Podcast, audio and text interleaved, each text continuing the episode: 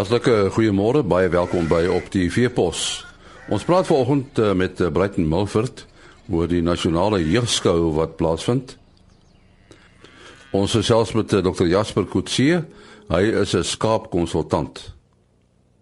Ons uh, gesels met Bruiten Milford. Nou Bruiten is in uh, Desember verkies as die uh, nasionale voorsitter van die uh, nasionale jeugskou en uh, hy voel baie sterk oor die jeugskou. Vir die wat nie weet nie, Brighton, wat presies is die jeugskou?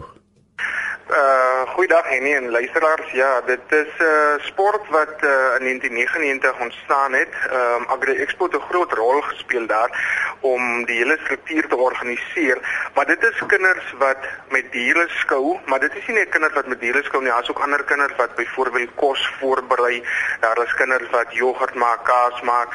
Ehm um, daar's kinders wat met wedloop, duiwe skou en so meer. Daar's 15 kategorieë. So dit is dit is uit en uit kinders wat skool gaan wat in die landboubedryf betrokke raak deur middel van skou en of dit nou is met ehm um, konyne skou en of dit is met hoenders of beeste of skape soos ek sê daar's 15 kategorieë Ehm um, en dit is kinders wat uh hulle hulle moet leer, hulle moet hulle handleiding gebruik en hulle moet leer waaroor hulle waar waaroor gaan jeugskou. Hulle moet leer wat is die voedingsbehoeftes van die diere wat hulle skou, wat hoe moet hulle die diere skou uh, en en so meer. So dit is 'n dit is 'n leerkurwe vir hierdie kinders, maar dit is uit en uit soos ek sê, jy weet, dit is uh die jeug wat betrokke raak binne landbou. En, en uh, hoe lank al word die jeugskou bedryf? En nie die jeugskou het in 1999 ontstaan. Ehm um, en sedertdien het die jeugskou met rasseskrede gegroei. Jy weet ek ek vat dit nou uit die Weskaap uit waar ek nou baie betrokke is, het ons ehm um, in 2000 vir die eerste keer deelgeneem aan die nasionale jeugskou met uh, eh, 15 kinders. Die Weskaap span is vandag by die 90 kinders. Jy weet um, ons is ongeveer so 400 deelnemers elke jaar by die nasionale kampioenskappe van reg oor die land. So jeugskoue kom nou al omtrent 15 jaar aan en uh ja, dit groei jaarliks. En is dit nou net uh, kinders wat in die uh, landbouomgewing grootgeword het wat deelneem? Nee, glad nie nie en dit is juis hoekom jy sal sien dat uh, een van die dinge waaroor ek baie sterk voel is dat ons moet meer deelnemers kry uit veral agtergeblewe skole, plaaskole, kinders wat glad nie betrokke is by landbou nie. Ons kan selfs vir stadkinders betrokke kry. Ehm um, want daar's gewonderlike persepsie dat dit kinders is wat van landbouskole afkom en die skool het nou 'n klompie stoet beeste so hulle skou met hulle beeste of hulle stoet skape of so meer. Maar enige kind kan eintlik deelneem of jy in die dorp bly of in 'n stad bly en jy het 'n hoender, dan kan jy 'n hoender kom skou of jy het 'n konyn, dan kan jy 'n konyn kom skou of jy het 'n uh, hanslam wat jy wil skou, dan kan jy die kom skou. Dit gaan glad nie oor die diere nie, dit gaan uit uit oor die kinders. So ja, dit is dit is ehm um, verteenwoordiging van die hele spektrum. En en wat van die kinders wat nou glad nie diere of so iets het nie? En nie ons voorsien vir die kinderdiere, ehm um, sover moontlik, sover dit moontlik is. Ehm um, by die streekskoue probeer ons gewoonlik want dit omdat jeugskou gewoonlik by landbouskoue plaasvind in die streke, ehm um, is daar gewoonlik mense wat of met beeste of met skape of met pluimvee of so skou. So ons vra altyd die teelers, wil julle ons help sê net maar deur 30 skape vir ons te gee wat die kinders gaan skou nie en hulle die ouens is gewoonlik baie gewillig om dit te doen. So ons ons probeer wat as 'n kind nie 'n dier het nie, probeer ons om so dier te voorsien vir daai kind. Kan jy hulle nie 'n stelsel in werking stel dat uh dat 'n kind 'n uh, dier sogenaamd aanneem nie op 'n naburige plaas. Sê hy woon in 'n dorp en daar's 'n plaas buite dat so 'n dier op die plaas dan deur die kind aangeneem word. Ehm um, en nie dit die kind kan dit doen of die die provinsie waar binne die kind is van kyk hoe die die die struktuur werk sodat elke provinsie het 'n uh, provinsiale jeugskou en dan neem hulle deel aan die nasionale jeugskou. So binne die provinsie kan hulle so iets doen, maar uh, ek die groot ding is natuurlik wat wat doen jy nou met 'n stadkind wat nie iemand op 'n plaas ken nie, jy weet ehm um, en en dit is die moeilike. Dis hoekom ons sê dat ons ons onderhandel liewer met 'n teeler nou sê vir daai teeler man, ehm um, ons het 'n klompie kinders wat nie diere het nie, voorsien vir hulle asseblief diere. Maar ek meen so stelsel kan werk, ehm um, met se kinders nou iemand ken of met daar kontak kan gemaak word met iemand wat bereid is om dit so te doen. Ja, ons praat nou hier van kinders, is dit nou van alle ouderdomme? Ja, en nie, ons is van 6 tot 18 jaar oud wat wat wat deelneem. Ons het drie kategorieë, junior junior wat onder 10 is, um, en dan 'n junior wat onder 14 is en dan 'n senior wat onder 18 jaar is. So dis dis skoolgaande kinders. Die kind moet in 'n skool wees om deel te neem. En hoe lyk dit met die verhouding uh dogter seun? Weet jy, dit is nogals interessant. Ek het nou nie so heeltemal die statistieke van op nasionale vlak en by die ander provinsies nie, maar in die Weskaap is daar meer dogters wat deelneem as seuns. Ehm um, ons het verlede jaar 'n opname gemaak, toe was daar iets soos 55% was dogters gewees. So dit is dit is natuurlik 'n goeie ligpunt vir ons en ons is verskriklik bly daaroor want uh, dit wys jou daar's geweldig baie dames wat belangstel in jeugskou. En hierdie jeugskoue, hoeveel van die skoue word daar per jaar gehou? En nie elke provinsie het mos nou sy eie eh, streke of streekskoue wat hy aanbied in die Weskaap. Byvoorbeeld het ons sewe streekskoue, maar dan is daar ander skoue wat ons nie 'n streek wat nie 'n streekskoue is nie, ehm um, wat wat ons nou 'n bietjie opleiding gee en so meer en so is daar in die Vrystaat en in um, KwaZulu-Natal en Mpumalanga, Limpopo het elkeen hulle eie skoue. Ehm um, so ja, ek sou ek kan nou nie presies sê nie, maar ek weet in die Weskaap is daar sewe en ek sou glo by die ander provinsies is daar uh, gemiddeld tussen 3 en 5 ehm um, bin, binne so 'n provinsie en dan is daar nou natuurlik die die die provinsiale kampioenskappe van elke provinsie en dan is daar die nasionale die mutual federal nasionale kampioenskappe. So dis 'n hele organisasie, né? Ja, ja, ja, ja, nee, verseker. Ehm um, elke provinsie moet georganiseerd wees. Ehm um, verskillende kinders werf, ehm um, streekskoue deelneem, dan 'n provinsiale kampioenskappe doen en dan na die nasionale kampioenskappe toe deurgaan. Ja, ons sê baie dankie aan Bruiten Milford, hy is die voorsitter van die nasionale jeugskou. Uh, ek ken nou al vir Dr Jasper Kutsie. Hy is 'n professionele veekundige, hy is 'n skaapvoeding en bestuurspesialis konsultant. En uh, ons gaan vanoggend 'n bietjie met hom praat oor die afronding van uh, slaglammers in 'n voerkraal. Uh, hoekom is hierdie soort afronding vir slaglammers in 'n voerkraal so belangrik, uh, Jasper?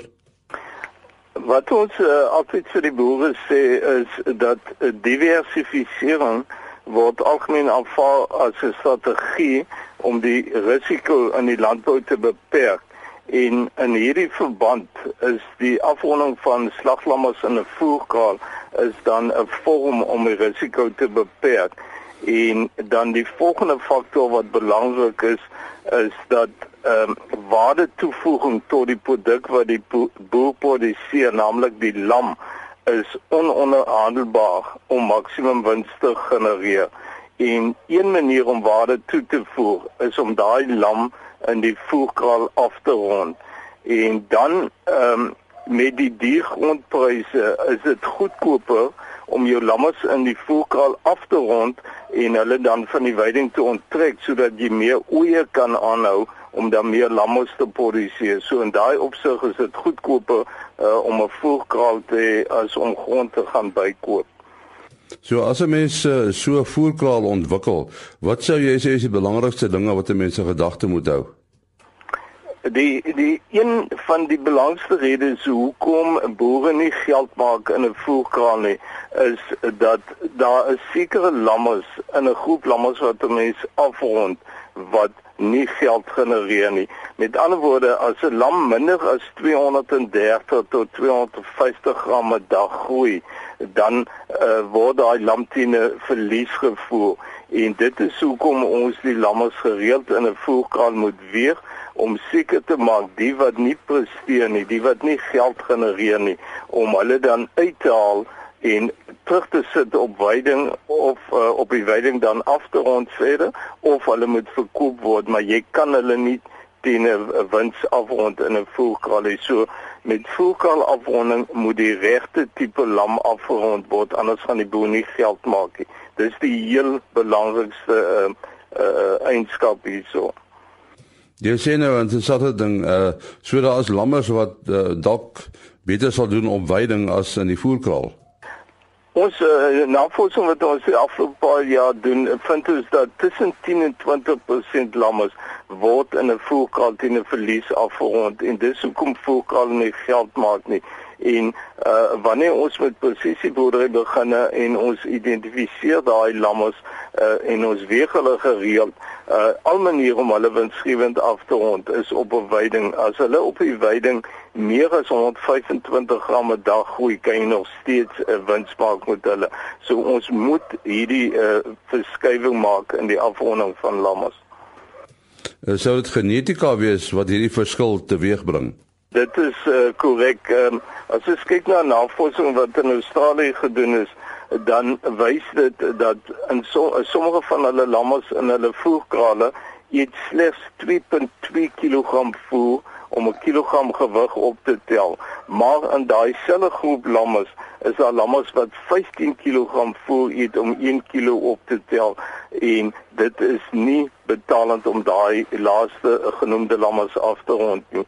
Ons sien uh, met voerkrale in Suid-Afrika kry presies dieselfde. Daar's lammes wat 8 na 15 kg voer eet om 1 kg gewig op te tel en daai lammes word teen 'n verlies gevoer. So dis uit en uit die genetiese groei potensiaal van die lammes. Ja, dis 'n een ding om 'n voerkraal te hê, maar jy moet die regte rantsoene ook gee, né? Uh die rantsoene is baie belangrik. Uh, voor daar is in voerkrale die goedkoopste rantsoene geformuleer. Dit werk nie so nie. Vandag formuleer ons die rantsoene wat die hoogste wins in 'n voerkraal genereer. So die rantsoene uh, moet die regte uh, moet 'n hoë proteïninhoud hê, die energie moet so hoog as moontlik wees en die refoer inhoud so laag as moontlik. Uh, baie boere is geneig om die refoer inhoud uh, te verhoog in uh, voerkraalrantsoene, maar uh, dit maak dat jou lamme se voeromsetting is swakker en jou uitslagpersentasie is laag en uh, dit maak dan dat um, rantsoen met hoë uh, refoer inhoud uh, maak dan dat jy lamme sien 'n verlies voer. En en die lammers uh, tipies hoe lank bly hulle in 'n voerkraal? Ons probeer lammers nie langer as uh, 52 dae in 'n voerkraal hou nie, maar die aanbeveling is die oomblik as 'n lam reg is en die lammers is nie almal op dieselfde tyd gereed nie. Sodra die lam uh, slagmassa bereik, uh, moet daai lam laat slag word. Vir elke dag wat jy hom dan langer voer, uh, raak die voerkoste duurder en verloor jy dan. So maksimum uh, 52 dae in die voerkraal, uh, maar daar's lammers wat al reeds vanaf 14 dae na 21 dae mag klaar is en dan laat slag word. Jy het nou gepraat van die uh, die lammers wat uh, nou nie groei in 'n voerkraal nie. Is daar ander faktore wat uh, wat diereprestasie kan kortwiek? Ehm um, van van die ander faktore is uh, die gebruik van groeistimulante. Uh met die diervoerkoste hierdie jaar raak dit al meer belangrik om hierdie medikamente in jou rantsoene in te sluit. Uh, uh daar praat ons van ionefore ander tipe medikamente want hierdie medikamente kan maak dat jou voeromsetting 25% verbeter en dis jou wins ook verbeter. So dis belangrik om te onthou hoe duurder die ehm um, grondstowwe raak, hoe belangriker raak die gebruik van hierdie medikamente en dan moet die lammes ook met 'n geskikte oorimplantaat implanteer word want dit verbeter ook hulle voeromsetting. En dan die ander belangrike ding is die lammes moet behoorlik aangepas word. As 'n lam swak aangepas word, kry jy suurpings en met daai lam sukkel jy die hele afrondingsperiode. Uh, en dan natuurlik die enting met inname moet die lammes geënt word teen Clostridium siektes en Pasteurella en hulle moet met 'n doeltreffende doseermiddel gedoseer word. Dit is omtrent die belangrikste. Jasper, jou telefoonnommer? My telefoonnommer is 076 846 8800. Ja, dit was dan Dr. Jasper Kutsie, telefoonnommer 076 846 8800. daarmee ook die einde van ons program. Môreoggend om 4 voor 5 is ons weer terug op ons pos. Tot dan alles van die beste. Ah.